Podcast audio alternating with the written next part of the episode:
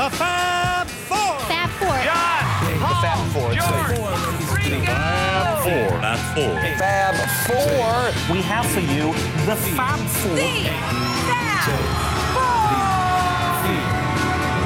Fab Forecast. My dear young friends, I am happy and proud to welcome you to our 10th season of Young People's Concerts. Imagine, it's been a whole decade we've been playing and talking about music for you. And I don't know how much you've actually learned, but I like to think we must be doing something right because, well, because it's our 10th season. And that brings us to our subject. What is a mode? Modes are simply scales though not perhaps those very scales you practice on your piano. They're rather special scales, and I wouldn't have dreamed of bothering you with them except for an incident that happened a few months ago. My 14 year old daughter, Jamie, happened to ask me one day why a certain Beatles song had such funny harmony. She couldn't seem to find the right chords for it on her guitar. And I began to explain to her that the song was modal. That is, it was based on what is called a mode. And I went on to show her the chords that came from that mode, and she got so excited she wanted to know more and more about it, till finally she said, Why not tell all this on a young people's program? Nobody ever heard of modes. Well, I thought Jamie is just a natural music lover with the usual weekly piano lesson, and if she finds this material fascinating, why shouldn't you? So here goes, and you can blame it all on Jamie.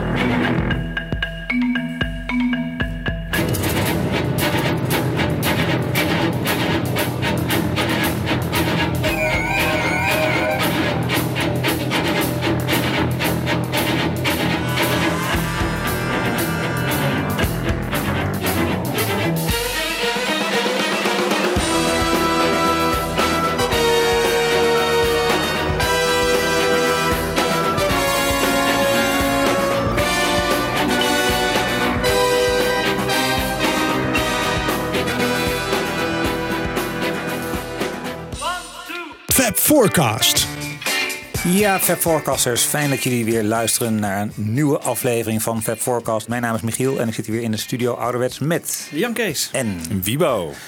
En voor de derde keer op vederverzoek aangeschoven is. Stefan Terpstra. Welkom, Stefan. Dankjewel. Ja, het is een beetje krap hier. Ik zit een soort piano in mijn oksel hier. Ja, Maar- ja, maar het went ook Het al, kan, denk hè, ik. het went. op je neus. Ja. Eh, want je hebt hem weer meegenomen. We gaan weer veel eh, van je leren over allerlei eh, muzikale aspecten van de Beatles. En wat is het thema voor vandaag, eh, Stefan? We gaan het hebben over de, de, Beatles en klassieke muziek. En dan de invloeden uit de klassieke wereld op de Beatles. En het is een eh, enorm groot eh, onderwerp, dus we kunnen onmogelijk alles eh, bespreken. Maar een aantal dingen daarvan gaan we bespreken op allerlei manieren. De invloed van de klassieke muziek op de Beatles eigenlijk. Jazeker. Ja. De, de invloed van de, de klassieke muziekwereld op de Beatles. Maar het start eigenlijk met ja, hoe de klassieke muziekwereld denkt over de muziek van, van onze helden. Vooral ook over George Martin en een aantal dingen die hij heeft toegevoegd. Citaten die zijn toegevoegd in de muziek van de Beatles. En we hebben het ook nog, eh, gaan het ook nog hebben over de klassieke muziek die eh, Paul McCartney gecomponeerd heeft. Oké, nou, dat- Stefan, wat, wat is eigenlijk klassieke muziek?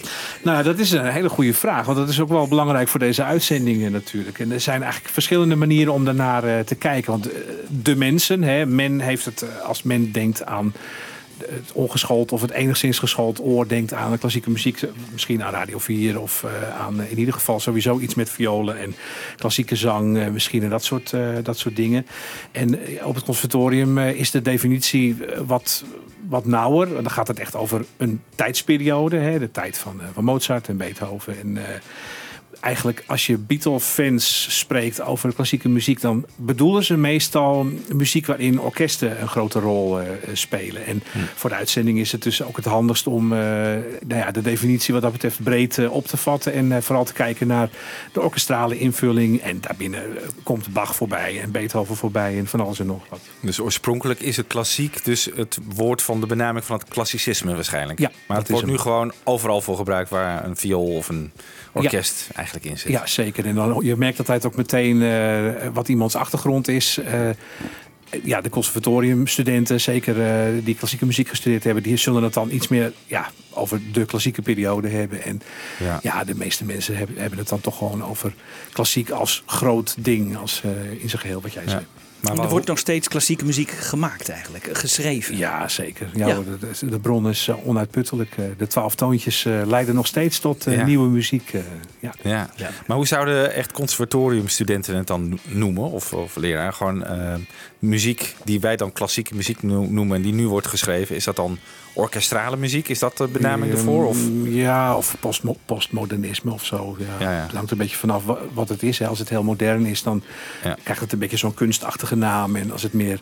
Er wordt natuurlijk ook nog heel veel filmmuziek geschreven... die ook eh, toch wel heel erg klassiek eh, aandoet... eh, door Ja. gebruik van orkesten. En eh, Ja, ja. ja, als je de, de soundtrack van de nieuwe Lion King hoort... dan weet je niet wat je hoort. Want ja, ze hebben toch ook weer alles opnieuw opgenomen. En Ja. ja, dat is wel wat men ook wel klassiekachtige muziek zal noemen. Hè, terwijl het natuurlijk gewoon veel muziek is. ja. Dat eigenlijk rockmuziek eigenlijk ook heel vaak rock and roll wordt genoemd, nu nog. Ja. Maar daar- eigenlijk is dat gewoon echt Een korte periode in eh, de Ja. jaren 50. eh. Zeker. Ja. En, want je had het over eh, highbrow, dat woord liet je ook al vallen. Ik- Die introductie vond ik ook al tamelijk highbrow. Die meneer die het had over modus. Wie, wie was dat? weten jullie het? Wie het was? Volgens mij was het Bernstein. ja, heel ja, goed. Heel ja. goed. Ja, het was Leonard Bernstein en die heeft zo'n hele serie in de jaren 60 gedaan over eh, klassieke muziek en eh, ja, de Young Pe- People's Concerts. Hè, en dus daar gaf hij dan les over de dingen. En het grappige was dat hij ook met de muziek van eh, die tijd, eh, die gebruikte hij ook als voorbeelden. En nou, hij was ook wel een van de eerste die, want dit was 1963. Nee, dat kan niet. Nee, Nee. het was iets later. 1965 dan 65, waarschijnlijk. eind Ja. 65 misschien. Ja. Ja, precies. En ja, dat dat, dat dat ook dus serieus nam. En ja, daar werd gedurende de tijd eh, natuurlijk wel heel erg verschillend over gedacht. Terwijl op dat moment was het gewoon muziek die je op de radio hoorde. En hij zal toch eh, nou ja, ook gehoord hebben zo van... nou, dit zit eh, behoorlijk knap in elkaar. Maar, maar ja, dat vond nog niet iedereen op dat moment. Dat, zo, zagen, Nee. zo keken ze er nog niet naar. Nee. Dus Leonard Bernstein en vertelde wat over modes. Dat zijn ja, eigenlijk ladders. En dan niet toonladders, maar ja, een bepaald soort toonladders die je op iets andere manier eh, aanpakt. Dat klinkt een beetje cryptisch, ik kan het beter eventjes laten horen. Het liedje waar hij het over had was eh, Norwegian Wood.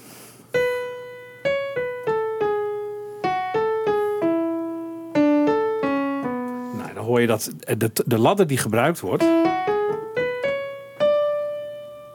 Je zou verwachten dat die.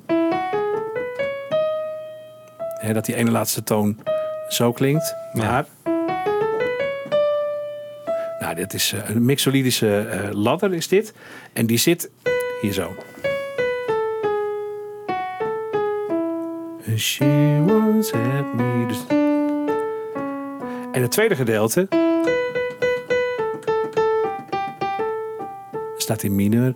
Dus als beginnend gitarist, hè, waar hij het over had, eh, ja, daar wat mee doet, dan raak je in, met je vingers in de knoop. Want op het ene moment moet je een E-akkoord spelen. En verderop in het liedje is het een E-mineur akkoord. En het kan zomaar zijn dat je dat eh, eh, nog niet eh, wist. En het, kijk, in de, de tijd van het internet, je kunt dit allemaal terugvinden. Maar dat was natuurlijk in die tijd nog eh, lang niet aan de hand. Nee. Toch wel grappig dat vaak John dit soort rare, Ja. atonale, ook met ritmes en zo allemaal. Ja.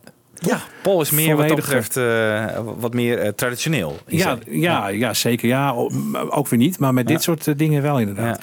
Ja, Lennon doet het echt ja, op, op zijn gehoor. Gewoon ja, wat, er- wat er tevoorschijn komt. Ik denk, denk, ik kan me niet voorstellen dat hij dat expres Nee. doet van...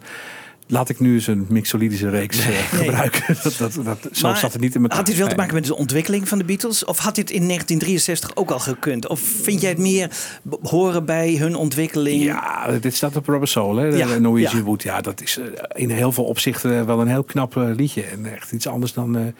nou ja, iets wat op de eerste, het eerste album eh, staat. Ook vrij, eh, vrij uitgebreid. Dus Lennon heeft gedacht, ik ga nieuwe wegen opzoeken of zo. Onbewust misschien. Ik weet het niet. Helemaal vanuit de tekst, denk ik, eh, Ja. ge- gecomponeerd. En eh, het wat meer melancholische gedeelte past ook heel goed bij eh, de tekst. En Maar laten we zeggen dat hij het op zijn gitaar heeft geschreven. Hè? Dan heeft Ja. hij dus ook die akkoorden die, dat, die, van die E, maar die moet hij naar een E mineur op een gegeven moment zijn Ja. gegaan. Voor hem was dat dan niet te moeilijk. Nee, en het, het grappige is, eh, als je het liedje speelt, dan, eh, nou ja, uiteindelijk stond hij in E. Nou goed, dat is hè, die eerste versie die ervan bestaat, die staat in D. En ze hebben hem Ja. toen nou nog een keer opnieuw opgenomen, staat hij in E.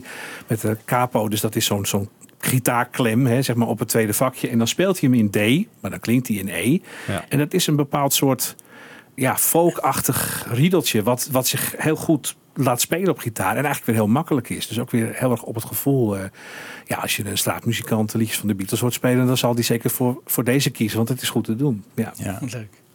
Hey, en waarom, want bij de Beatles hebben we heel vaak die connectie met de klassieken, hè, klassieke arrangementen gehad. Heel veel bewerkingen van Beatles liedjes door klassieke ja, orkesten. Eh, eigenlijk al heel vroeg, denk ik vanaf de jaren 70 zal dat zo'n beetje uit de grond schieten. Ja. Ja. Waarom zie je dat vooral bij de Beatles zo vaak?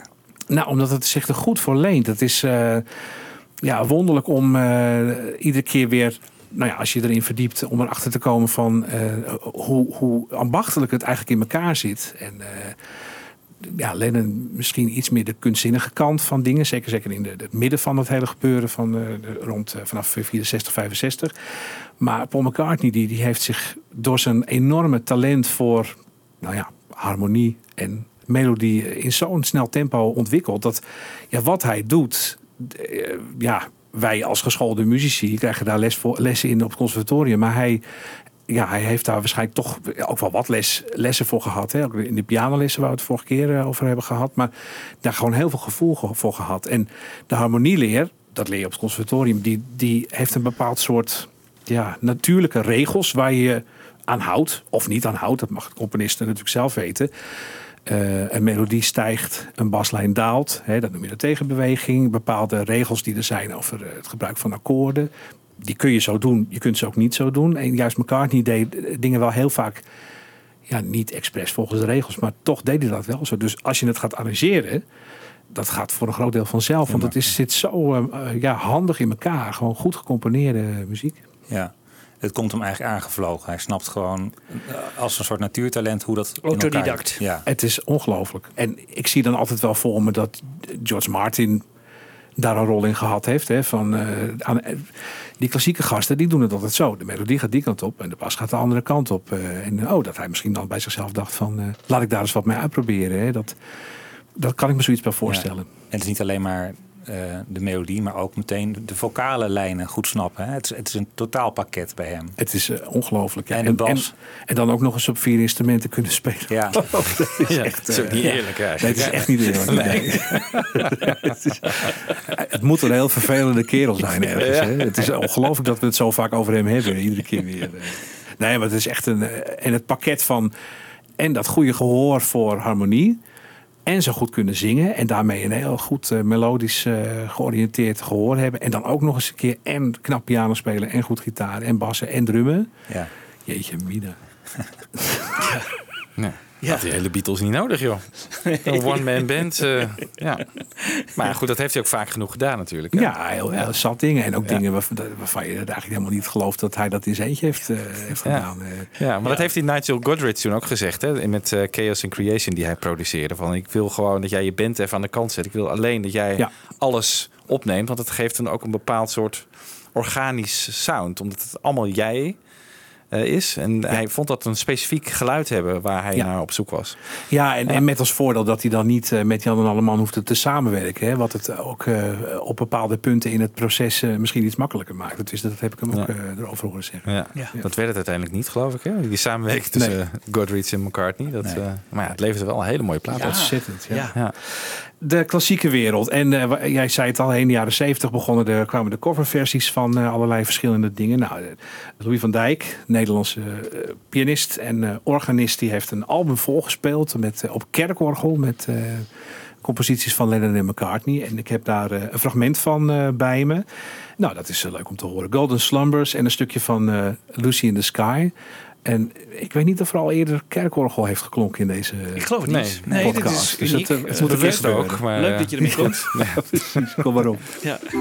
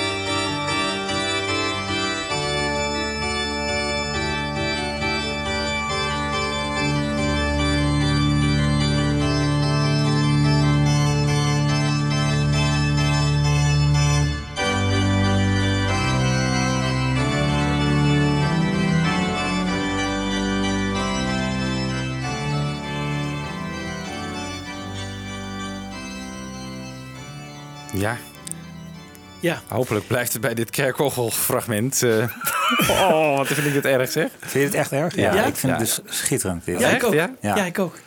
Ik Ja. vind het een fenomeen. Ja. Wat leuk dat, er, dat de meningen zo kunnen verschillen, toch? Ja. Ja. Ja. Ja. Want eh, de Beatles zelf hebben ooit een kerkorgel willen gebruiken. hè. Ik geloof Benefit of Mr. Kite, geloof ik. En eh, die was te groot om eh, in de studio te krijgen. Ja, tuurlijk. En toen Ja. hebben ze dus al die tapes eh, hè, door elkaar heen gehusseld. En hebben ze een, een, een, een draaiorgel gebruikt. Ja. Maar in wezen hadden ze heel graag zoiets eh, ooit ook willen gebruiken. Ja, dus, precies. eh, maar eh, Wibo, heel even. eh, eh, waarom eh Ja, ik, ik, ik kan niet tegen het geluid van zo'n kerkorgel. Je christelijk opgevoed misschien? Nee, helemaal niet. Oh. Nee, misschien juist daarom. jullie misschien wel, dat jullie Nee, denken... ook ah, niet. Nee, maar ik ben niet. Nee, ik ben er geen fan, Nee. bijzonder fan van orgelmuziek of zo. Maar Nee, ik vind het interessant. Ja, ik vind dat hij doet er ook echt interessante dingen mee. Ja. Eh, Ja. Ik vind het ook grappig dat je Lucy in the Sky juist hebt geselecteerd. Ik heb vanmiddag deze plaat nog even, eh, nog- nou, terwijl ik aan het Lego was met mijn zoontje uitgelegd. En Die kon er ook goed tegen staan. Ja. Eh, maar Oké, hij, ligt met dat ja. Lucy in the Sky, daar doet hij ook heel bijzondere dingen mee. Hij Ja. gaat er helemaal eigen stukken zitten daarin. Terwijl, want het is namelijk best een vlak nummer. Hè? Dus om er al de dynamiek uit te halen en daar op een gegeven moment weer terug te keren naar het motief zeg maar, van Lennon. En Dat doet hij zo knap. Ja. Ja. Ja, zeker. Hij is echt eh, een improvisator. Maar ik kan me goed voorstellen dat je... Nou ja, Ja, het moet wel je ding zijn, dat snap ik wel. ja. dat snap ik wel. Ja, Ja. klopt. Ja, Eh, maar bij Golden Slumber speelt hij dus met de ene hand eigenlijk de orkestpartij en de andere eh, de zang eigenlijk. Weet Ja, je? zo- zo'n kerkorgel heeft twee klavieren, hè, twee toetsenborden. En zijn linkerhand speelt het die, die, De bas. die, doe, die, de, nou ja, de begeleiding eigenlijk. En dan eh, Ja. die, die, die, die, die, dat is zijn rechterhand. En dan hoor je nog boom, dat is het pedaal. Oh, dat is pedaal. Dus Zo, eh, hij doet zo ook met zijn voeten eigenlijk ook nog. Ja, ja, het zijn eh, echt eh, multitaskers, eh, die organisten. Want het zijn geen die, twee pedalen, toch? Het zijn er wel meer.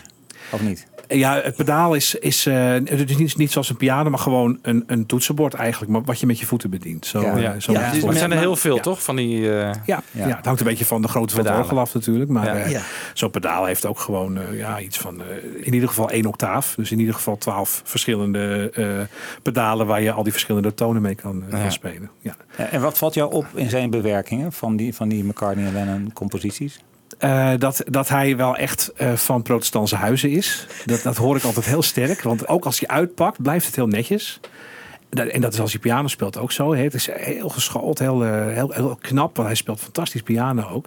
Maar ja, hij is echt zo'n ja, zo'n protestantse jongen. Is het, Psalmachtig? Ja, en, ergens wel. Ja. Hij is ook eigenlijk van huis uit klassiek pianist. Hè, en, die ook goed lichte muziek speelt. Dus, dat, dus ik hoor wel ook wel dat hij vaardiger pianist dan dat hij organist is. Ja, hij speelt hartstikke goed eh, en, en creatief eh, kerkorgel. Maar eh, zijn eerste instrument is wel piano.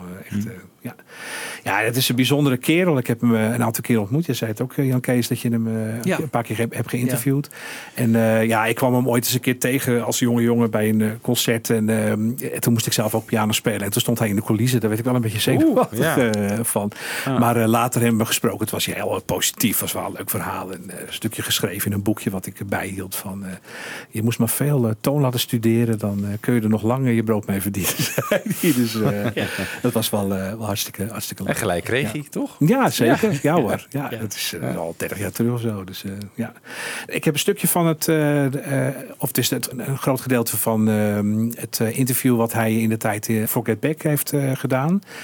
Wat kan je er nog van herinneren? Ja, we zijn toen naar Dalfsen naar hem toe gegaan en daar had hij een hele eh, grote vleugel in die huiskamer staan. En eh, dan gaat hij daarachter zitten en ja, wij, wij luisterden gewoon met, met open mond. Weet je, het is zo leuk wat zo'n man erover te vertellen heeft. Allemaal die zienswijze en dat hij het gelijk op de piano kan doen, weet je. Ja. Dat is gewoon geweldig. En je merkt gewoon dat hij bewondering heeft voor die Beatle-muziek en dat hij dat hij dat weer zelf implementeert eigenlijk op die piano. Het is echt, eh, hij kan vertellen wat daar nou zo bijzonder aan is en, en hoe dat dan in elkaar zit. En, Ja, en dan laat hij het ook nog even horen. en dat laat hij het ook nog even horen. Ja. Louis van Dijk, jazzpianist en veelvuldig te horen en te zien, bouwde aan zijn carrière in dezelfde jaren als de Beatles en ontpopte zich als een groot bewonderaar van de groep.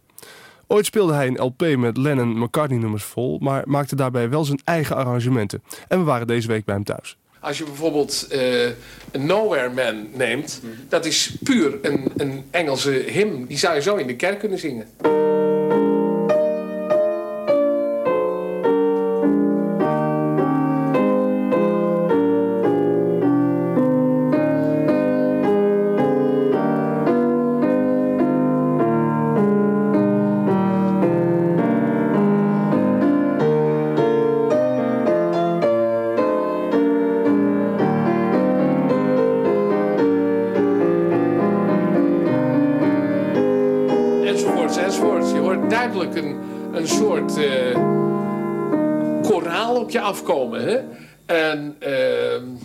Eh, in het beeldschone liedje eh, She's Leaving Home. In het begin, eh, in de eerste regel, zit een parallel, zoals we dat noemen in de harmonieleer. Een octaaf parallel tussen sopraan en bas. Dat zijn dus de buitenste stemmen van de vierstemmigheid. En die zal ik nu even laten horen. Ehm, even kijken hoor.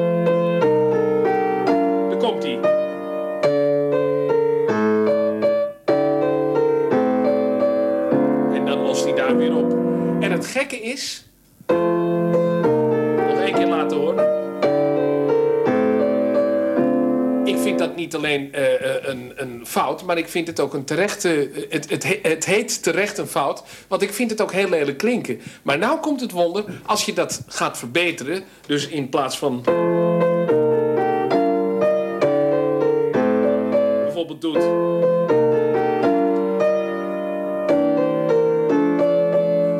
Dan is het veel fraaier, veel mooier, veel beter harmonisch verzorgd. Maar het liedje is wel kapot. Tja. Het is heel erg die, die manier van, vanuit, vanuit de harmonieleer van het conservatorium kijken naar, eh, naar het materiaal. Hè. En ook hoe die, hoe die het vertelt. Hè. Een fout die je, die je niet moet verbeteren, anders gaat het liedje kapot. Vanuit zijn achtergrond eh, snap ik het heel goed. En eh, ja, het is wel heel erg knap wat hij doet. Ook van Nowhere Man tovert hij dan zo'n zo'n soort van hymneachtig ding tevoorschijn. En ja, heeft, ik, ik heb hem ook wel van die...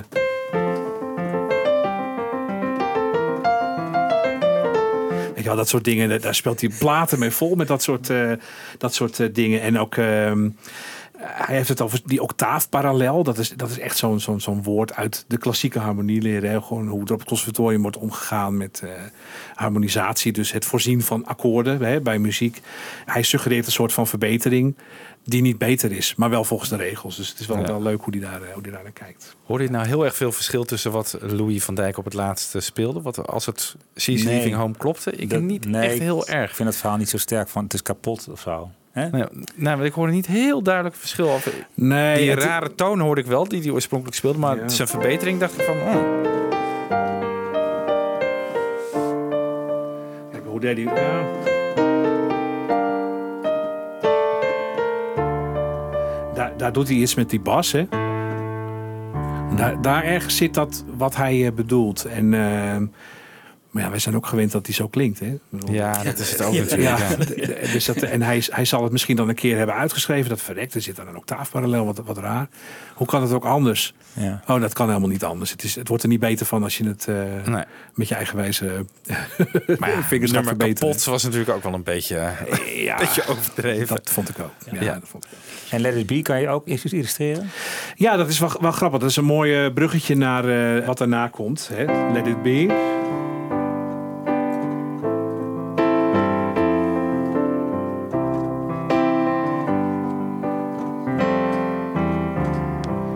Einde wat je hier hoort. Dat noem je een eh, plagaal slot in de harmonieleer. En plagaal betekent kerkelijk. Hè? Amen. Heel, heel, vaak ook in eh, eh, ja, muziek waar, waar dat gebruikt wordt, dan krijgt het alleen al daardoor krijgt het een soort religieus tintje. Dus dat is wel leuk. Nou, dat past bij It Be natuurlijk heel goed. Kijk, in heel, heel veel muziek van dit soort nou ja, klassieke harmonieachtige structuren hebben eindigen met. Nou, dan gaat, dan gaat het liedje kapot. Ik zal het je laten horen. Wel kapot. Ja.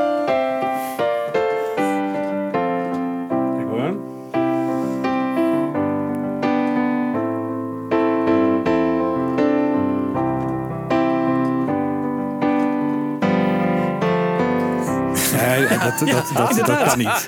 En dat, dat is dan een, ja, een normale, tussen aanleidingstekens, afsluiting. Hè. Zo, zo, zo had Mozart het gedaan. Dat is niet zo'n goed idee. Nee. Dus ik denk dat dat is ook wat hij een beetje bedoelt met dat het gaat kapot. Hè. Het Ja. moet gewoon natuurlijk gewoon echt...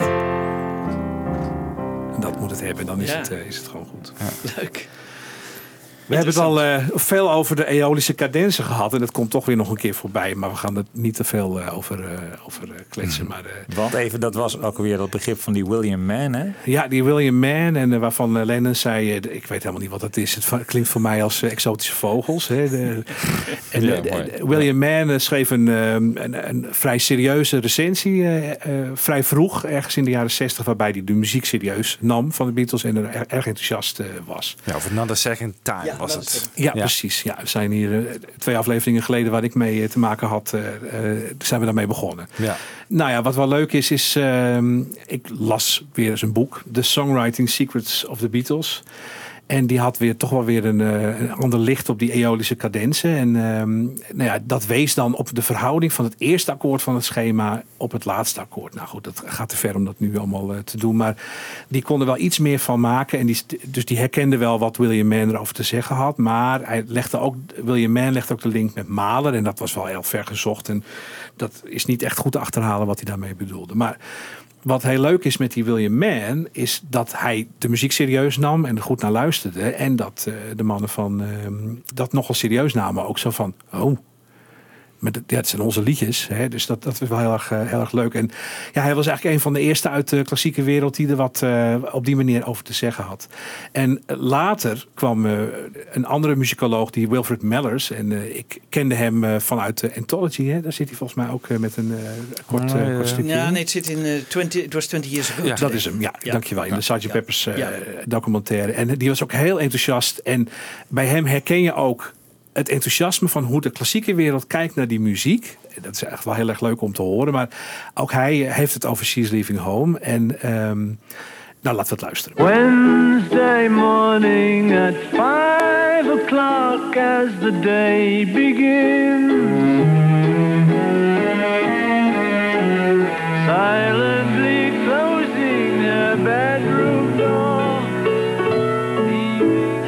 an old-fashioned waltz with an old-fashioned throbbing cello and a plashing harp and a modulation to the dominant.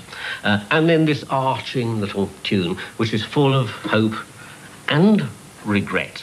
Wilfred Mellors, composer and professor of music, was mocked in the 60s for taking the Beatles seriously and suggesting their music would last. This uh, balance between the hopeful dreams of adolescence and the regret of age is most beautifully encapsulated in the coda to this little song. The parents are singing, We gave her everything that money could get. We struggled hard all our lives to get by and so on. And then she's leaving her something inside that was always denied for so many years. And this is going on simultaneously. But then in the little coda, after you've had the repeat of the refrain tune, it goes.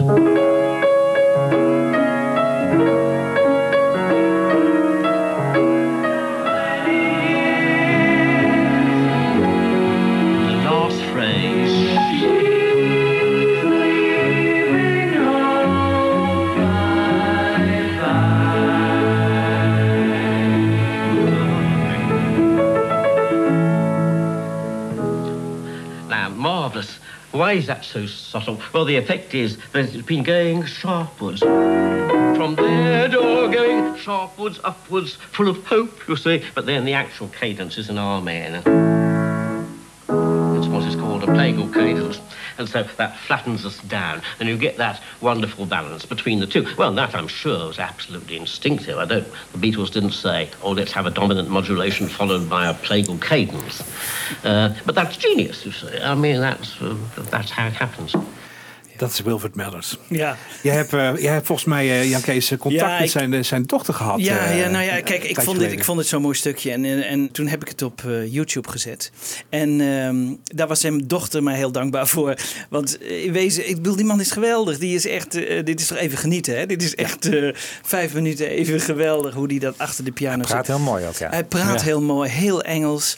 En hij legt het, eh, nou ja, net als jij, Stefan, heel mooi uit. Dus eh, ik vond eigenlijk, en dus dit stukje ik, eh, heb ik ook gebruikt bij. Eh, bij She's Leaving Home bij Sgt. Pepper. En ehm, toen heb ik het op eh, internet gezet en daar was ze erg blij mee. Want eh, hij, is, hij, is, hij is inmiddels alweer jaren dood. Maar ja, zo'n man moet toch ook een beetje geëerd blijven. En ik hoop dat hij er mag blijven staan. Want ja, alles wat met Beatles muziek te maken heeft, dat wordt snel op YouTube verwijderd. Dus ik heb alleen Wil- William Mellers erbij gezet. Maar alle eer naar deze Ja, geweldige. Ik weet nog heel goed dat ik, dat, dat ik het zeg maar, zag toen in die documentaire over die It Was 20 Years Ago Today. En ook inderdaad van, jeetje, wat, eh, wat is dit voor, eh, voor een man? Hij, inderdaad zijn manier van praten. Hij speelt het ook eh, goed na. Maar echt als een klassiek muzikant ook natuurlijk. Ook hoe die, erover praat. En ja, de plagale cadence hè, die we net hadden.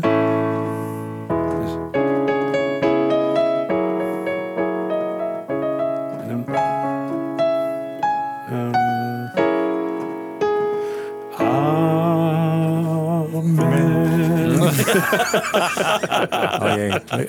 Zometeen kunnen we het nummer niet meer luisteren zonder er amen. Ja, sorry. Ja, sorry. Ik, ik heb dat effect op. tellen al eh, mee de hele tijd en ja. dan krijgen we dit ook nog bij. Ja, ja, ja dat is, ik zal hem verwerken in de tune voor de volgende keer. eh lijkt me hartstikke goed. Hij- ik weet wat het laatste woord is van deze uitzending. Juist, juist, juist.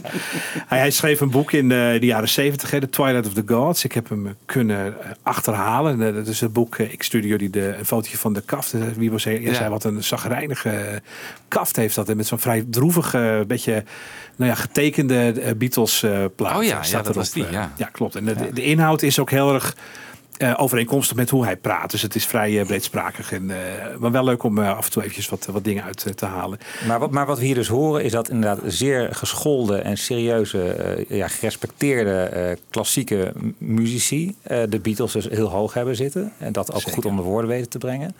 En wat ik me dan altijd afvraag.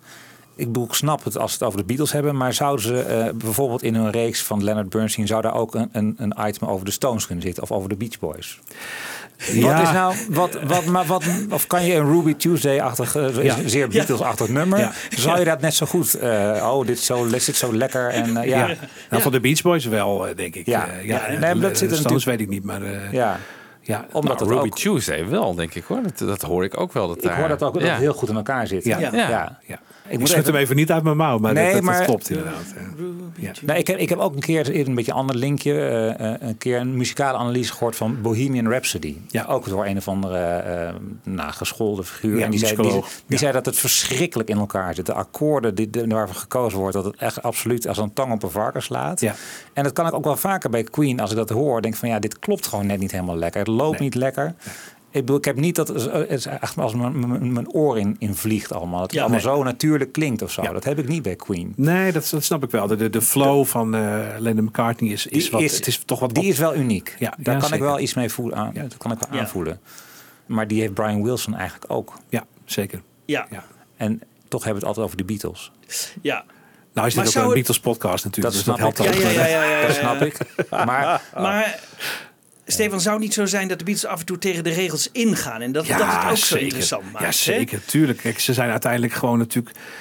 Ze deden dat op hun gehoor en op hun gevoel. En eh, nou, verderop in, eh, gaan we het nog hebben over eh, hoe McCartney eh, naar klassieke muziek kijkt. Of hoe die, hoe die daarnaar luistert.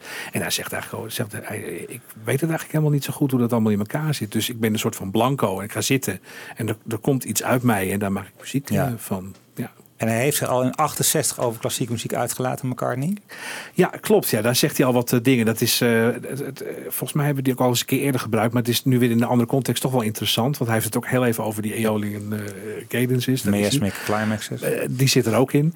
30 jaar later vertelt hij wat dan over Standing Stone. En dat komt verderop in de uitzending aan de orde. Het is wel leuk om die, de eerste van de twee te beluisteren. I was always frightened of classical music, and I never wanted to listen to it because it was Beethoven and Tchaikovsky and sort of big words like that, and Schoenberg.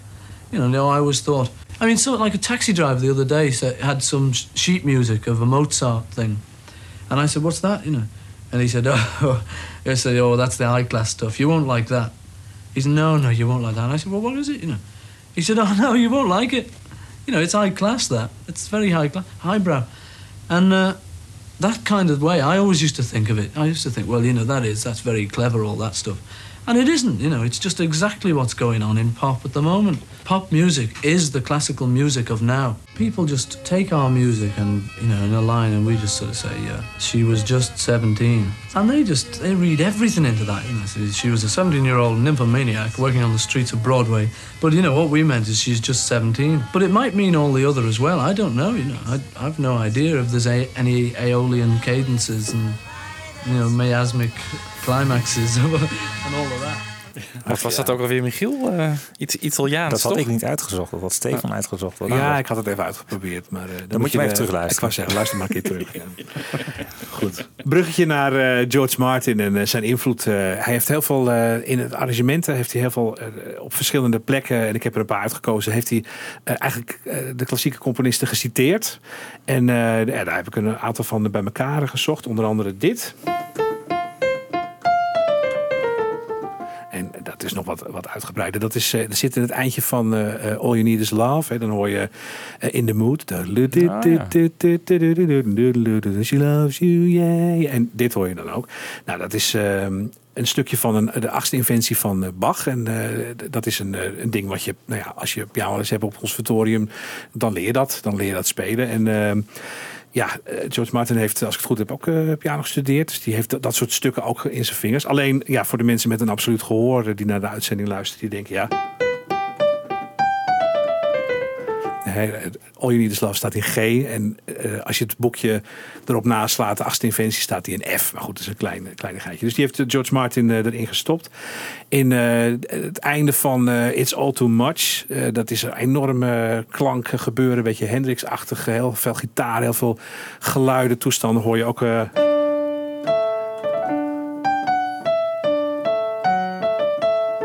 Maar een heel klein stukje daarvan. Trumpet Voluntary, ook zo'n eh, Britse componist. eh, Jeremy Clark heet hij volgens mij. eh, Heeft hij erin verwerkt. Dat. Die trompet. ja, klopt. Ja, en, en dat wat jij zingt is het tweede stukje ervan. Maar Oh, dat is dan weer iets anders. Dat, dat kon ik niet achterhalen Oh. wat dat was. Maar dat klopt inderdaad. Ja. Nou ja, en vanuit dat eh, de invloeden eh, natuurlijk nog steeds van George Martin. Hè?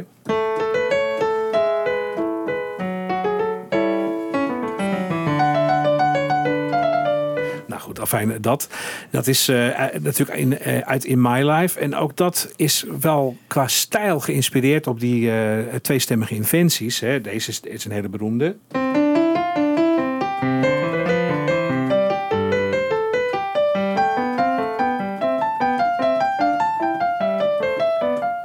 Dat is eh, werk voor, eh, voor, hè, voor de, de, de meeste pianisten hebben deze stukken ook gestudeerd. Stefan, je had het net over All You Need Is Love. Wat dus eh, een klassiek element in zit bij In The Mood. eh, dat wat daarna komt. Van wie was het ook? Ja. Dat is Bach, is dat, 18 Zullen we anders even dat gedeelte uit All You Need Is Love even, Ja, dat, even erbij pakken? Dat is goed. En dan doen we meteen It's All Too Much. doen we er ook eventjes bij. Heel goed.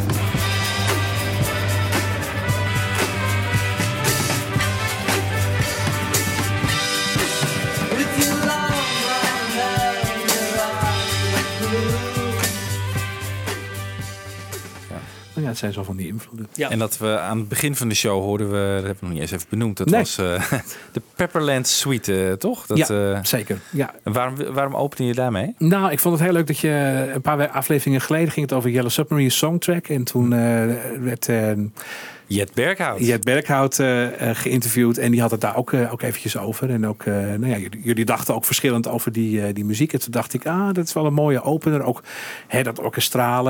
Het is een compositie van, van George Martin ook, hè, die hele, die hele B-kant. En ehm, nou, hij heeft een aantal verschillende eh suites die op verschillende albums eh, staat. En dit is een, eh, wat waar we mee begonnen, is een gedeelte uit die op In My Life staat. Zo'n album uit de jaren negentig, die, die, het laatste album wat hij zelf geproduceerd heeft. Ja. Waar hij het ook zelf dirigeert. En ehm, nou ja, vond ik een treffende opener om Ja. te doen. Ja. Nog even een klein stukje over For Noah. Nou, dat is een, een aflevering op zich, eh, die solo. eh, Maar laten we dat niet doen. Eh, over auteursrecht gesproken. Hè? Die eh, ta ta ta ta ta ta ta ta ta ta ta. Kan je hem niet even spelen? Nou, ik, ik, heb, ik kan hem beter zingen dan spelen. die eh, Alan Civil, hè, die heeft, Ja. eh, de- nou ja, goed, hij zegt zelf, ik heb eh, actief meegecomponeerd aan eh, de melodie. En eh, nou goed, er zijn alle rechtszaken over geweest. Want hij is gewoon met een studio fee is hij betaald van 50 pond of zoiets dergelijks. Ja. En toen was de, de kous afgedaan. Maar volgens mij is dat ook zo gebleven eh, daarna. Ik Heeft heb hij het echt rechtszaken gehoord. gevoerd? Dat Nee. heb ik net gehoord, nee. Nee. Is dat zo? Ik, ik heb een eh, nooit, eh, maar ik neem het direct aan. Maar het is, Ja, oké. Nou, dat, dat, dat is er eentje voor in de herhaling. Ik zal het even uitzoeken hoe Ja. het echt zit. Ik kijk Ja. zo om me heen, dat weten jullie Ja, toch. Maar nee, nee, nee, dat, nee. nou goed, dat kan. Maar eh, de noten die bedacht zijn, eh, die kunnen eigenlijk niet zo goed op een gewone horen eh, gespeeld worden. Dus hoe ze dat nou precies hebben gedaan, dat weet ik niet. Want het is vrij blijkbaar vrij hoog voor het soort instrument wat hij speelde. Maar goed, misschien dat ze daar met eh, de, de tempo, snelheid. de snelheid wat eh, ja. mee gedaan hebben of iets Ja. dergelijks. Eh, Ja. Zo klinkt het niet, want je vindt hem heel mooi en natuurlijk klinken. En eh, nou ja, mogelijk is ook weer muziek uit de barok inspiratie geweest daarvoor. Is eh, een klein stukje uit een concert voor barokhoren van Johan Joachim Quans. Hè, dat is een tijdgenoot van Bach. En daar hoor je het soort, nou ja, eh, horen wat, eh, wat hier wel wat eh, van weg heeft.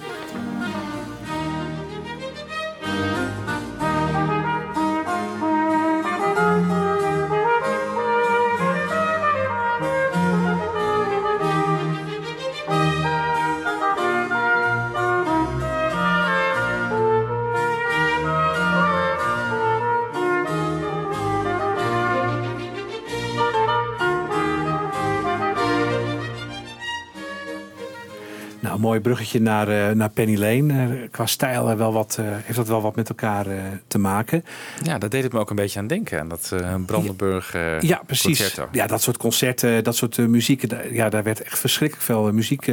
dat soort gebruiksmuziek gewoon voor een keer op zondagmiddag geschreven. En daarna schrijf je gewoon nog een horenconcert. Eh, ze had ook niet heel veel anders te doen in die tijd natuurlijk. Dus dat, dat kon ook allemaal blijkbaar. Dus kennelijk was...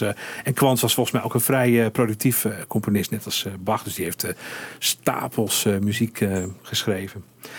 En ehm, nou ja, Penny Lane, eh, ook weer over inspiratiebronnen. De, de Brandenburgse concerten, wat je al zei. Hè. Paul McCartney zag een concert op televisie en dacht... eh, misschien eh, moeten we dat eens uitproberen in Penny Lane. Nou, daar ging natuurlijk in dat hele Penny Lane gebeuren nog een heel... Piccolo eh, trompet. ja, precies. Ging er nog aan, eh, nog aan vooraf. Maar eh, nou ja, uiteindelijk hebben ze daar eh, diezelfde speler eh, daarvoor gevraagd. Die David Mason. En eh, nou ja, hij kan het zelf eh, vrij goed vertellen.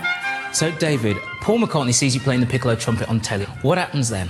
Well, I received a phone call the next day from George Martin. And George said, Well, are you free on tomorrow? And can you come along to Abbey Road? And I said, Yes. And we arranged it. And just as an afterthought, I said, Oh, who's this for? He said, Oh, it's the Beatles. Paul sat down at the piano, and George sat down with a piece of manuscript paper.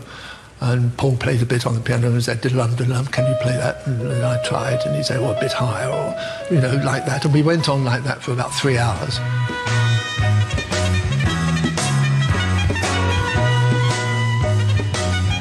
Many people, including a lot of trumpet players, of course, thought that it was played on the ordinary big B flat trumpet and had been speeded up, but it wasn't. I did play it like that.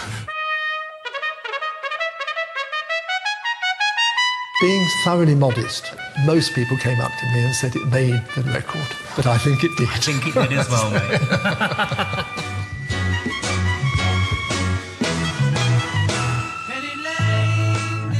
Hij heeft het op een gegeven moment over een eh, B-flat trompet. Dus een best trompet. Dat is een normale trompet. Gewoon die het meest eh, gebruikt worden. Maar ja, die solo kan daar niet op. Hè. Een piccolo trompet is gewoon nog Nee, maar eventjes... hij eh, zegt ja, dat ze het ge- ge- upspeed, hè? dus dat ze het sneller... Ja, zo. Ja, De- ja. de- dan zou het weer wel kunnen. Ja, waarschijnlijk wel. Dus dan, dan Ja. hadden ze het een, eh, een, een, eh, in toonhoogte een kwart omlaag. En dus flink wat langzamer gedaan. Maar zo hebben, het niet, hebben ze het niet gedaan. Dus het, is, eh, hij is echt wel een, het is wel een heldendaad, die trompet solo. En vooral omdat ze er drie uur mee bezig zijn geweest. Dus eh, Ja. hij was in, eh, goed in vorm, de beste man. Ja, zeker. Ja, maar het past perfect ook weer. Als Ja. McCartney gewoon dat geluid dan ook hoort op tv, dan denk ik van ja, zo'n Ja. vrolijk. Ja, is natuurlijk een heel om dat- upbeat eh, Precies. Om dat om te zetten Ja. naar Penny Lane, dat vind ik echt... Dat Ja, is het is een heel poppy instrument eigenlijk. Ja. toch. En dat zie je dus ook. eh, volgens mij heeft Anne Huurkamp daar wel een keer een column aan gewijd. Wat er allemaal niet aan opvolging is gekomen in de popmuziek. Waarin we opeens allerlei piccolo trompetjes zien opduiken. Ja, hè? in Ja, die popmuziek. Ja. Ja, ja, Zo, eh, hè, de laatste jaren is een ukulele heel eh, populair in de popmuziek. hè. Iedereen gebruikt dat. En dat is Ja. natuurlijk wel iets van andere orde dan dit. Maar eh, zo gaat het vaak wel. Ja. Ja. Ja, hey, dat is een goed geluid. Gaan we ook doen. Ja. Ja, dat is eh, mooi. Ik was deze eh, zomer bij, eh, in, in Torn bij een hele grote muziekfabriek. en dan maakten ze dus die, die piccolo-trompet. En ik wil, wil hem toch even vasthouden. Een heel zwaar instrument ook. Het is heel klein en compact. Dus ik Oh, daar heb ik een foto van gezien. Ja, het weer. Ja, ja, leuk. Ja, Ja. ik vind het dan zo leuk om zo'n instrument dan eens eh, zelf te bekijken. Ja, prachtig. ja. Maar hij wordt niet veel gebruikt? Of, Nee, heel specifiek voor, voor barokmuziek. En nou ja, voor die paar mensen op de wereld die deze solo kunnen spelen. Misschien ook wel.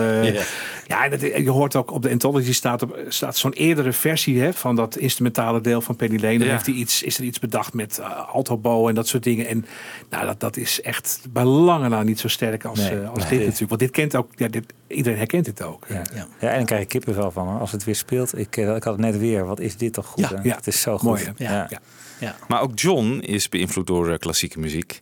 En dan komen we uit, Stefan, bij Because.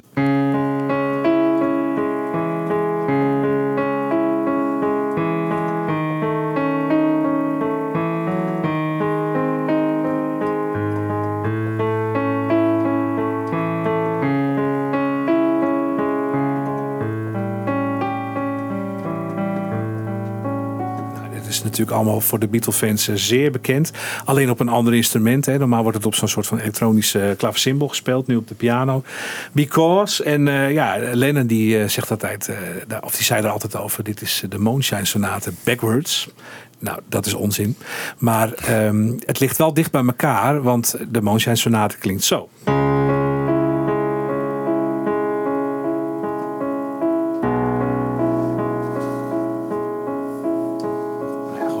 Maar dan heb je het wel gehad eigenlijk. Dus de- Maar mag ik even, want het, het verhaal is toch eigenlijk anders dat het niet backwards is, maar dat hij eh, de partituur om heeft gekeerd.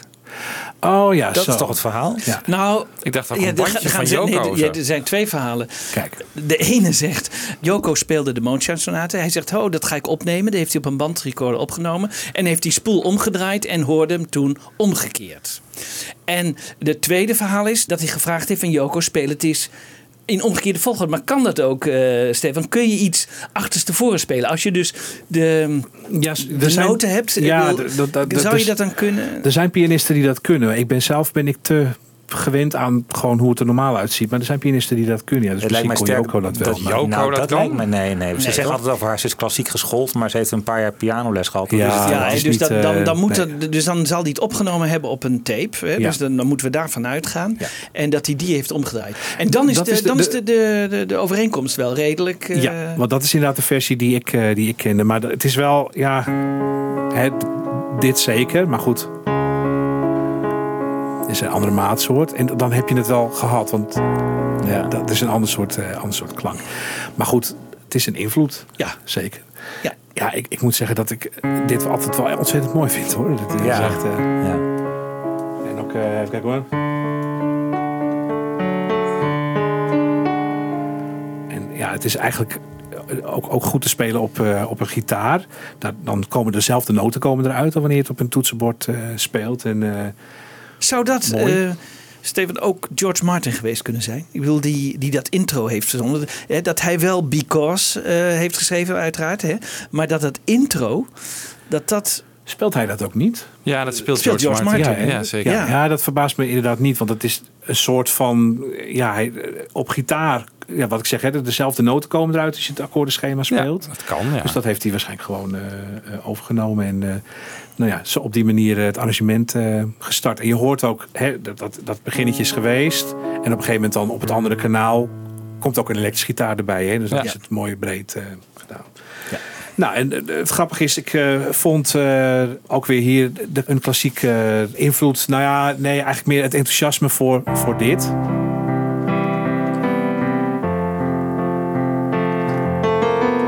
Hè, wel, wel bekend natuurlijk.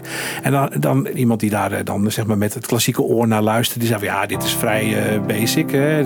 Eenvoudig. En de melodie en de tekst doet alles. Maar dan het is allemaal nou ja, klassieke harmonieleerachtig. Hè?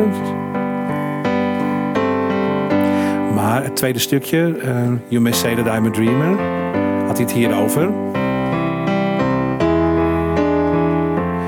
Dat akkoord. Nou, dat is een, een mediant, eh, heet dat. Dat is een soort van tertsverwantschap, wat ook in filmmuziek veel eh, gebruikt eh, wordt. Nou, daar werd hij, diegene die dat op, op die manier ernaar keek, heel enthousiast van. eh, van nou, dat is toch wel echt eh, heel goed bedacht. En herkenbaar aan het liedje ook, hè.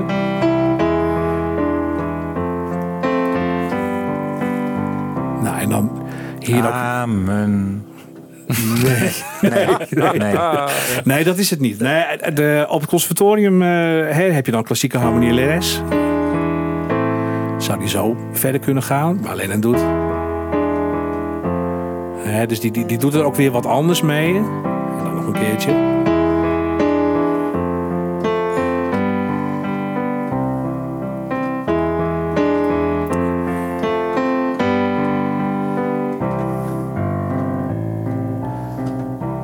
Het, is, het, heeft verder niet heel erg veel om het lijf, maar het is natuurlijk zo herkenbaar voor het, eh, voor het lied, voor de begeleiding eh, ervan. En eh nou, vond ik een mooie, mooie invloed. Het is niet zo heel direct van uit de klassieke wereld, maar wel, nou ja, ik zeg al, de, de, wat ik op internet tegenkwam, eh, werd dat wel bejubeld. Dat was een mooie wending en eh, ja, bijzonder. Zie je nou ook een ontwikkeling bij Lennon qua pianospel? Hè? Ik heb altijd dat Lennon iets later is als McCartney. Hè? McCartney Ja. zie je al eh, in 1966 en 67 en 68 heel erg die piano. Maar Lennon mm, blijft een beetje achter wat Ja, dat betreft. maar ja. hier komt hij toch heel goed over. Of Ja, hij speelt het, hij speelt het eh, met, met de middelen die hij heeft, speelt hij het wel heel mooi. Maar ik zie altijd die. die Of kun jij eh, wel horen het verschil eh, ja, ja, eh, McCartney tussen is, Lennon eh, en McCartney? Ja, enorm. Ja, enorm. Je, je ziet ook in die, die, volgens mij in die Imagine film op een gegeven moment, hè, heb je die, van, van die opnames, dan zie je hem thuis en dan zijn ze met dit liedje bezig. En dan, dan zie je ook hoe hij het aanpakt en hoe hij nou ja, dingen met zijn handen doet. Het is heel ja, effectief, handig eh, gedaan, maar het is niet, niet pianistisch. Hij speelt echt als een, eh, als een gitarist eh, piano, terwijl ja, McCartney rond die tijd toch echt wel heel goed speelde. Ja. Dus Ja. er zit wel een, een verschil tussen. Maar ja, ook hier weer in. Hij zoekt wel de klanken die hij hoort in zijn hoofd. En dat maakt het bijzonder. En dan daarmee ook hele raar, zoals I'm the Walrus. Dat is niet, eh, is geen kattenpis om te spelen. Want dat is, dat is een echt een enorme berg eh, eh, aan akkoorden. En dat heeft hij volgens mij wel zelf, wel zelf ingespeeld. Of in ieder geval zelf bedacht. Dus nou ja, wie het weet mag het zeggen. We gaan ehm, naar de klassieke stukken van Paul. Eh, ik vond een eh, stukje van de interview van eh, McCartney, zeg maar, ten tijde van Standing Stone. Hè, dus dat is een van die klassieke stukken van hem. zelf zei over hoe hij denkt over klassieke muziek. En dat is wel een mooi bruggetje om daarover verder te gaan. The thing about writing orchestral music for me is I'm lucky because I don't really know much classical music at all. When I was a kid, my dad always used to turn it off when it came on the radio. Said, "Turn that stuff off." You know, he, he was a jazzer. He didn't like it, so I never really heard much. Um, I used to listen to Bach when we were in the Beatles. That was probably our favourite composer then. More recently, I listened to uh, Monteverdi a bit. I didn't actually listen to anyone uh, when I was making this piece, except to see what I shouldn't do, because they'd done it already. Um, I listened to Beethoven just to see what he did. Uh, and I'd say my favourites at the moment are uh, I like Monteverdi because I think there's a lot in common with early Beatle music. They didn't know many chords. So it's a good challenge to do something different. Um, you know, you might say to a short story writer, why do you bother to write a novel? Because it's there. It's a challenge, and if you love music, it's very interesting. And it's great to work with an orchestra like this. Someone like me, you know, they're all fellow performers, so I kind of feel like I understand them. It's very exciting to work with people with this kind of virtuosity, you know. Ja, weer een van Paul's ambities natuurlijk eigenlijk. Ja. Zo is het al begonnen, denk ik. Een van de dingen die hij wil, eh, nog wilde doen, eh, zoals een musical schrijven. hè. Dat was Precies, eh, pas ja. eh, in het Ja. nieuws. eh, Past daar ook in. Had hij nog niet gedaan. Dus, eh, Hij noemt vaak Monteverdi. Is, herken je dat ook? Is dat, is dat een componist die wel een beetje... Een, Early Beatles klinkt dat? ja, ja, ja, overzichtelijke harmonie. Dus eh, het gaat harmonisch niet heel erg ver.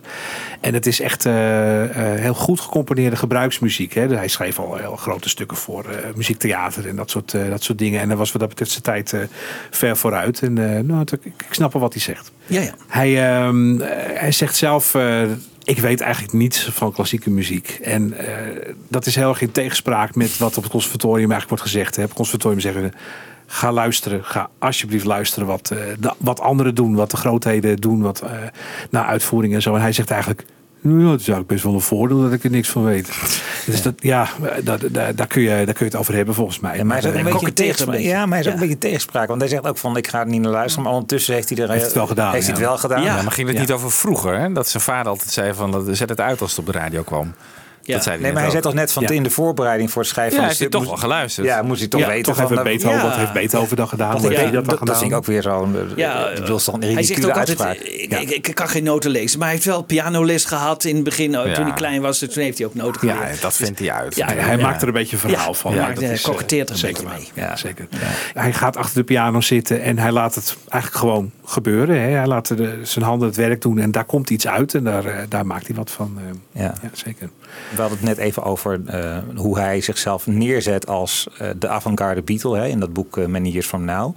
En ik kwam onlangs een foto tegen op het net en dan zie je dat McCartney een concert bijwoont van die Italiaanse componist Luciano Berio. Dat is op 24 februari 1966. Dan zit hij met Barry, eh, Barry Miles helemaal op rij 1.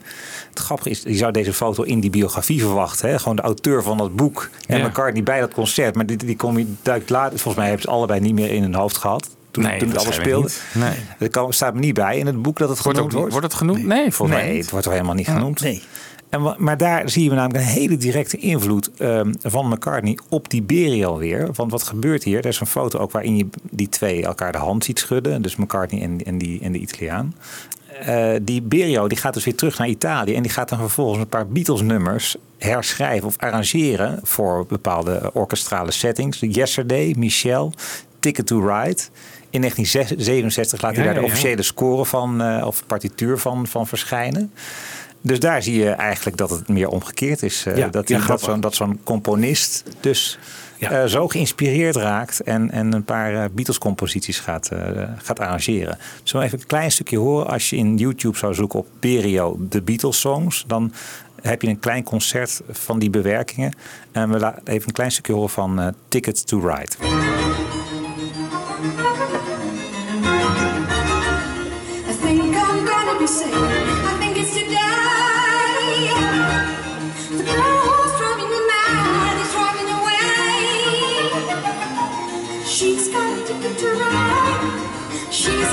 Ticket to ride. She's got a ticket to ride, but she don't care.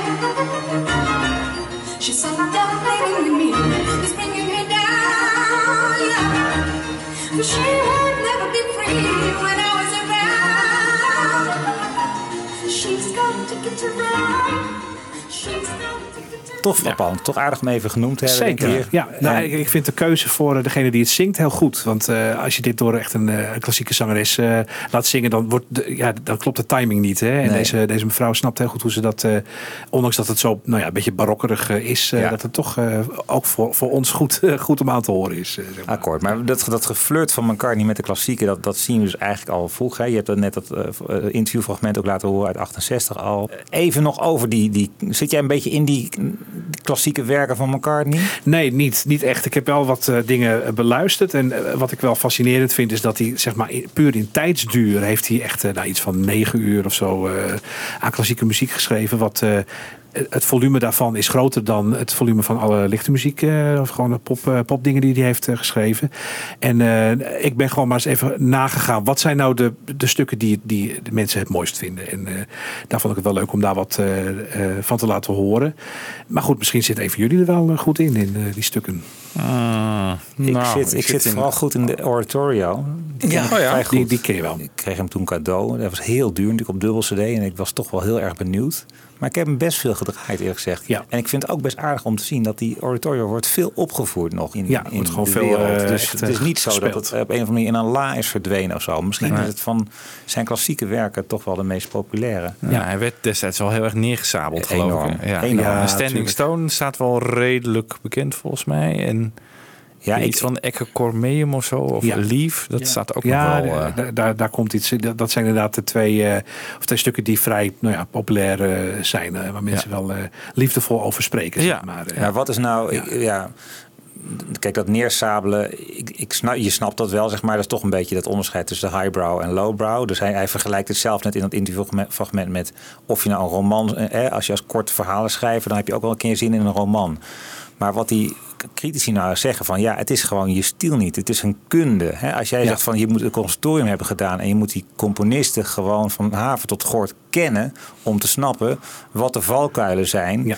En dat het niet zo is dat je even uit je mouw eh, een, een, een stuk van 90 minuten schudt. En dat is ook wel de kritiek op Oratorio, maar ook op bijvoorbeeld Ocean's op Kingdom. andere grote stukken, Dat het ja. gewoon, het zeurt maar door. Hè? Er zit niet echt, het, het is niet zo als, als, weet ik veel, een oratorium van Hendel, dat, dat, je, dat, het- dat je gewoon geboeid blijft luisteren. Nee. Er zitten stukjes in waarvan je denkt, ook dit, dit is Nu, aardig. nu is het mooi. Ja. Ja, ik, stel, ik stel me dan ook eh, voor van eh, hoe zo'n samenwerking met zo'n zo'n eigenlijk zo'n arrangeur eh, dan gaat. Want ja, hij heeft niemand, iemand nodig om het op papier te, zetten en te vertalen van. Ja, en zal zo'n arrangeur eh, doen wat hij zegt? Of eh, Ja. dingen toevoegen? Of, eh, Dat ja, is die Carl Davis, toch? Voor de Voor oratorio. wel, Ja. maar hij het voor de alle andere werken ook allemaal gehad, nodig gehad Hij heeft die verschillende Ja. volgens mij ook voor, eh, voor gehad. Dus dat vind ik altijd al fascinerend. Kijk, George Martin heeft natuurlijk altijd gewoon dingen toegevoegd en tegengas gegeven ook. Hè, van, eh, Maar ik vind ook nog wat of je zeg maar een, een strijkkwartet zou kiezen. Hè? Een, Ja. Laten we zeggen, wat, wat Of dat je zo'n orkest Ja. met een oratorium, een koor erbij, een kinderkoor erbij, hoppakee, de hele Ja. rattenplan. In 94 minuten. En je, bedoel, je vraagt er bijna om om neergezabeld te worden. Ja. Want dat, Ja. dit, dit kan je op deze schaal kan je dit gewoon niet. nee, nee, dat is een andere discipline dan popliedjes.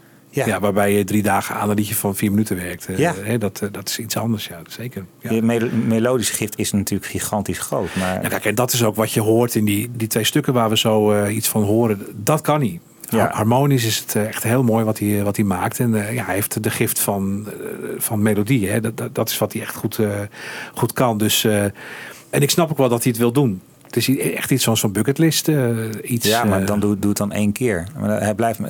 Ja. Ook dat Ocean's Kingdom. Eh, weet je, er zit ook een hele media, genieke Ja, move zeker. achter. Dat was dat ballet. Precies, dat ja. gaat New York City Ballet. Zo, dat het grote ballet van New York. Die gaat hem vragen om die score te schrijven. Weet je wel, dat genereert al wat pers. Nou, dan komt het uit. Dan heb je natuurlijk maximale exposure. Ja. En dan, ik, nou ja, ik heb het vanmiddag al eens een keer beluisterd. Het is, het is echt, het boeit gewoon voor geen meter. Nee, het, het is te kabbelend. eh, Ja. ja. Ja. Wat verwachten jullie dan van eh, It's a Wonderful Life? De musical. Al- musical. Alweer wat anders eigenlijk. Ja, Vind ik dat- Was wel meer bij hij- zijn stijl, denk ik. Ja. Daar kan hij zich misschien meer eh, in, eh, hè, eh, in manifesteren met songs die blijvend zijn, die melodieus Nou ja, zijn. en hij zal moeten werken met iemand, een paar iemanden, een paar mensen die van dramatische lijnen weten en verhaal eh, en dat soort dingen. Dat, daar zal die, ja, ik ga- gaat dat niet allemaal zelf bedenken. Hij Nee. gaat de muziek schrijven natuurlijk. eh. dus ik ben wel benieuwd. Maar goed, het is dus niet allemaal bagger. Dat is ook niet mijn stelling trouwens. Nee, maar nee. want jij hebt twee dingen, heb je nu even geselecteerd. Een Gratia uit Ecce Cormeum. Dat, is ook een eh, oratorium, hè? Ja, is een, eh, in vier delen, in het Latijns en in het eh, Engels. en het is voor orkest en eh, volwassen koor en jongenskoor. En ehm, de oratoria was partly inspired by Sir Paul's wife Linda. Het is ook een, een eh, klassiek album wat niet eh, op vinyl is eh, verschenen, maar alleen op, eh, op cd. Dus dat is één eh, stuk. En het andere is A Leaf, wat jij al eh, zei, eh, eh, Ja. is eigenlijk een stuk voor piano. En ehm, voor eh, Prins Charles eh, ooit eh, voor een bepaalde gelegenheid. Hè, An Evening with Paul McCartney and Friends in de 1995. En daarna hebben ze nog een orkestrale versie eh, opgenomen in de Air Studios. Nou ja, daar hoor je ook wat van. Dus die twee stukken die... Nou ja, als je zo op het internet rondneust, eh, worden die wel eh, gewaardeerd. Want mensen vinden ze mooi. En ik moet zeggen dat ik het echt wel eh, mooie muziek vind.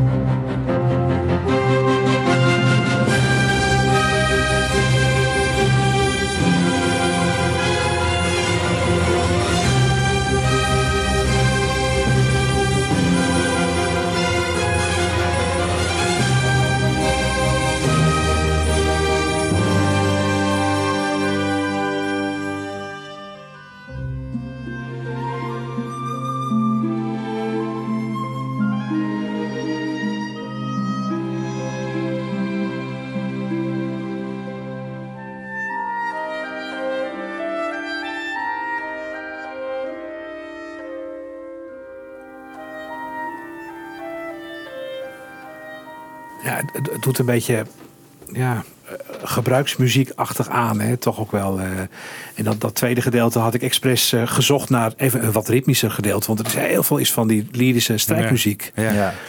En eh, ja, daar zou hij wel wat meer van mogen doen hè, voor, voor dit soort muziek. Dus misschien dat hij dat in de musical Ja. wel doet. Klinkt mij een beetje als behangmuziek inderdaad in de Gebruiksmuziek, ja, Ja, gebruiksmuziek. Beetje filmmuziekachtig. Ja, ook wel, ja. ja. Maar het is toch ook heel belangrijk wie- het arrangeert. Want degene die dat doet, die bepaalt toch ook een beetje de klankkleur van hoe het gaat klinken. hè? Ja, dat zullen ze samen doen, denk ik. gewoon, Want dat eh, kan hij eigenlijk niet. Ik bedoel, eh, dat uitschrijven en, en Nee. iets meer violen, iets minder blazers, ik noem maar iets. Ja, ik stel me voor zo van, nou ja, dit, dit is het, het basisgedeelte is strijkers en of misschien piano of zo. En nou, misschien kunnen we hier een hobo doen. En oké, nou goed, dan doen we daar een hobo. en met die gegevens zal zo'n arrangeur iets, eh, iets Goed doen. idee, Paul. Ja. Ja, da- ja. Ja, ja, maar Ja. dat krijg je al snel natuurlijk. Ja, Ja, helaas. Ja, ja. helaas, zo het wel. Ja. Maar goed, ja, er zijn, er zijn misschien ook wel eh Fab Forecast luisteraars die het eh, heel, heel mooi vinden. Dus je kunt in de afspeellijsten die we erbij eh, doen, eh, kun je de hele stuk ook nog luisteren. Het staat allemaal online. Nou, goed, deze bucketlist die is vol, McCartney. Die is gewoon goed. Je hebt het gewoon gedaan. Je hebt het geprobeerd. Chapeau. Ja, en nu weer wat anders. Gaan we weer door- gewoon albums ja, opnemen. Nu musicals. Ja, musicals.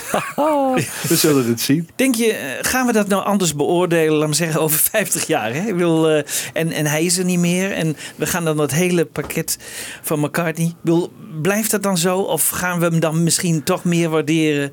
Of eh, acht je dat onmogelijk? Nou, ik, ik denk dat dat dan toch uiteindelijk om 50 liedjes gaat. Ja, hè? Dat Ja. lijkt me. Ja. Ja. Ja, nee, dit gaat totaal in de vergetelheid raken. Dat lijkt me. Dat is het al volgens mij. Ja. Ja, en er is Ja. ook nog zo, er is zoveel meer orkestrale muziek die veel beter is hè, dan, eh, dan, dan dit. Dus eh, het is maar één van de dingen die hij heeft gedaan. eh. ja. Zie je waar heel veel geld toe kan leiden. hè? Dat je dat eh, toch eh, constant eh, in de aandacht weet te blijven. Met zijn klassieke pogingen om een voet aan de grond te krijgen. We gaan verder met... eh, eh, nee, het is natuurlijk zo. Het is een enorme geld, geldmachine. En daardoor kan hij overal over beschikken. Dat is gewoon, Ongelooflijk. dat, is, dat gebeurt hier. Dat is Ja. het mechanisme wat erachter zit. Ja, zeker. hij, Ehm, hij kan het doen, dus doet hij het. Ja, ja, ja, zeker. ja. Ja. Maar waarom wil hij dat? Ambitieus mens natuurlijk. Hè? Hij heeft altijd zichzelf Hoopt willen hij dan dat, kan, het dat ze kan, dus zeggen, het moet. er is een klassiek componist aan McCartney verloren gegaan of zo? Dat, daar hoopt hij daarop? Ik, wat zit hierachter? Ja, geldingsdrang, ik weet het niet. eh, laten zien dat hij alles ja, kan, ik weet het niet. In de jaren Nee, 60 was hij natuurlijk ook gewoon met filmmuziek, ook met orkestrale dingen bezig. Maar goed, dat was Ja. de jonge jongen. Dus Family Way, ja. die, precies. Ja, Ja. dat is. eh, Ja, ja. het, ook al inderdaad. Ja, Ja, dat, ja, en, toen, eh, en toen had hij er al over hè, dat Lennon en McCartney zouden een musical gaan schrijven. Zo. Dus Ja. toen al, ja. Maar eh, ja, al die ambities inderdaad. En steeds maar een treedje hoog. Hij heeft gewoon eigenlijk een soort Ja. carrièreplan had hij voor zichzelf. ja, Misschien dat dit- ook zelf een film willen maken. Hè. Ja. Eh, Ook behoorde daar ook toe waarschijnlijk. En, Het is wel interessant waar dat vandaan komt inderdaad, die drang. ja, Ja. want hij hoeft zich natuurlijk helemaal niet meer te bewijzen. Nee, nee. Hij maakt eigenlijk, hij besmeurt eigenlijk zijn imago eh, Ja, hiermee. in wezen wel, in wezen werk. wel. Ja. Ja. maar de soundtrack van eh, Broad Street of eh, deze muziek, ja, dan ben je van Broad Street ben je wel sneller klaar. Nou, ik vind dat Eleanor's Dream bijvoorbeeld. Ja, dat is best mooi. Dat vind ik Ja. best mooi. Ja, er zitten een paar van dat soort dingen Ja. die, eh, die Ja. best wel goed zijn. Maar in hoeverre is dat George Martin? Dat, is dat George Martin? Ik kan me zo maar voorstellen dat McCartney het vorige uh, neuriet heeft van... Nee, nee, nee, nee. Oké, Paul. Oh, right, Paul, yeah. Sounds great, man. By the way, your acting is very natural as well. Ja. Man, man, man, man. Dat man. kan hij dus echt niet, hè, acteren. Nee, absoluut Oh. niet. Volgens mij gaan we eh, afronden. Inderdaad. Het wordt weer zo'n McCartney eh, bash eh, show. Ja, Ja. ja, ik kijk zo hier opzij en ik zie Michiel eh, zijn tijd gaan zitten. Dus, nee, ik- vind het wel fascinerend hoor. Ik vind Nee, het maar leuk om- wat- het is leuk om over te hebben. Ja, maar wat is er buiten zijn eh, vaste stiel inderdaad dan wel geslaagd? Wat dus niet in zijn, eh, eh, zijn core business valt, vind je? Van alles? Ja, Ja, ik, ik ben wel fan van We All Stand Together. Als je Ja. toch over Ja. orkestrale dingen hebt. Dat is Ja. wel Ja, echt ja, ja. geslaagd. eh, Ja. Mooi Ja. filmpje erbij. Ja. Eh, Helaas niet, nog niet netjes opgeknapt volgens mij eh, te vinden. maar dat vind ik wel heel mooi. Heel, ik vind het een fantastisch nummer. Ja. Ja. Heel Ja. knap gedaan. Ja, ook weer George Martin. Hè, die Ja. achter Ja, dat is waar. eh, Dat is maar, waar. mooi gedaan. Ja. Nou goed, inderdaad. We Goed. gaan eh, richting de afronding. Ja, Dankjewel, heel, heel Stefan. interessant, alle dwarsverbanden. Echt eh, Ja. heel mooi op een rij gezet. Ja, dankjewel. Veel geleerd. Ja. Want wat wordt eh, de volgende keer, denk Nou, je? Wat, wat ik, als jullie dat ook leuk vinden, wat ik heel leuk zou vinden, is eh, dat, dat boek. dat is zo'n dikke pil van hè, de Songwriting Secrets of eh, the Beatles. Daar zitten echt wel een aantal dingen in die ik eh, zou willen bespreken. En wa- echt bepaalde muzikale elementen, zoals het gebruik van de dominant. Nou, dat is dan een heel verhaal om uit te leggen. En zo zijn er nog wel een aantal dingen eh, die, nou ja, waar een eh, mooie uitzending van eh, te maken valt. Dus het gaat ook echt, dat zoomt echt in op bepaalde verschijnselen die zij ook weer, eh, nou ja, eigenlijk laten we zeggen van nature hebben aangepakt. En eh, die je ook weer in andere muziek eh, eh, terug hoort. Eh, en dat gaat eigenlijk terug tot eh, Monteverdi of, eh, of in ieder geval de oude componisten. Want bepaalde muzikale mechanismes die, eh, die zij ook gebruikt hebben. En ja, dat is eh, een eh, inspirerend eh, iets om het eh, TCT over te hebben. Oké, leuk. En dan horen we jou ook weer op de piano. Die neem ik zeker mee. Ja, Nou, hoor. geweldig. Super. Oké, eh, we gaan eruit met Christian Bob. Wat is dat ook alweer?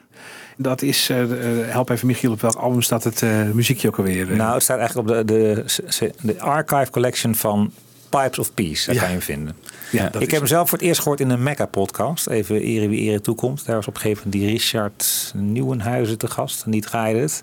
En toen ging het bij mij meteen bellen rinkelen van dit ken ik uit de Liverpool Oratorio. Juist. En dat vind ik dus zo ontzettend grappig. Dat is een nummer waar hij in 1986 met Phil Ramone mee heeft gewerkt. En dat komt dan vijf jaar later dus in eh, een van die movements in de Liverpool Oratorio terug. En het is eigenlijk, nou ja, het is natuurlijk eh, ja, popmuziek op de crossover zeg maar tussen pop en klassiek is natuurlijk heel erg eh, snel gemaakt bij McCartney. Dat vind ik heel, heel grappig hier. Ja.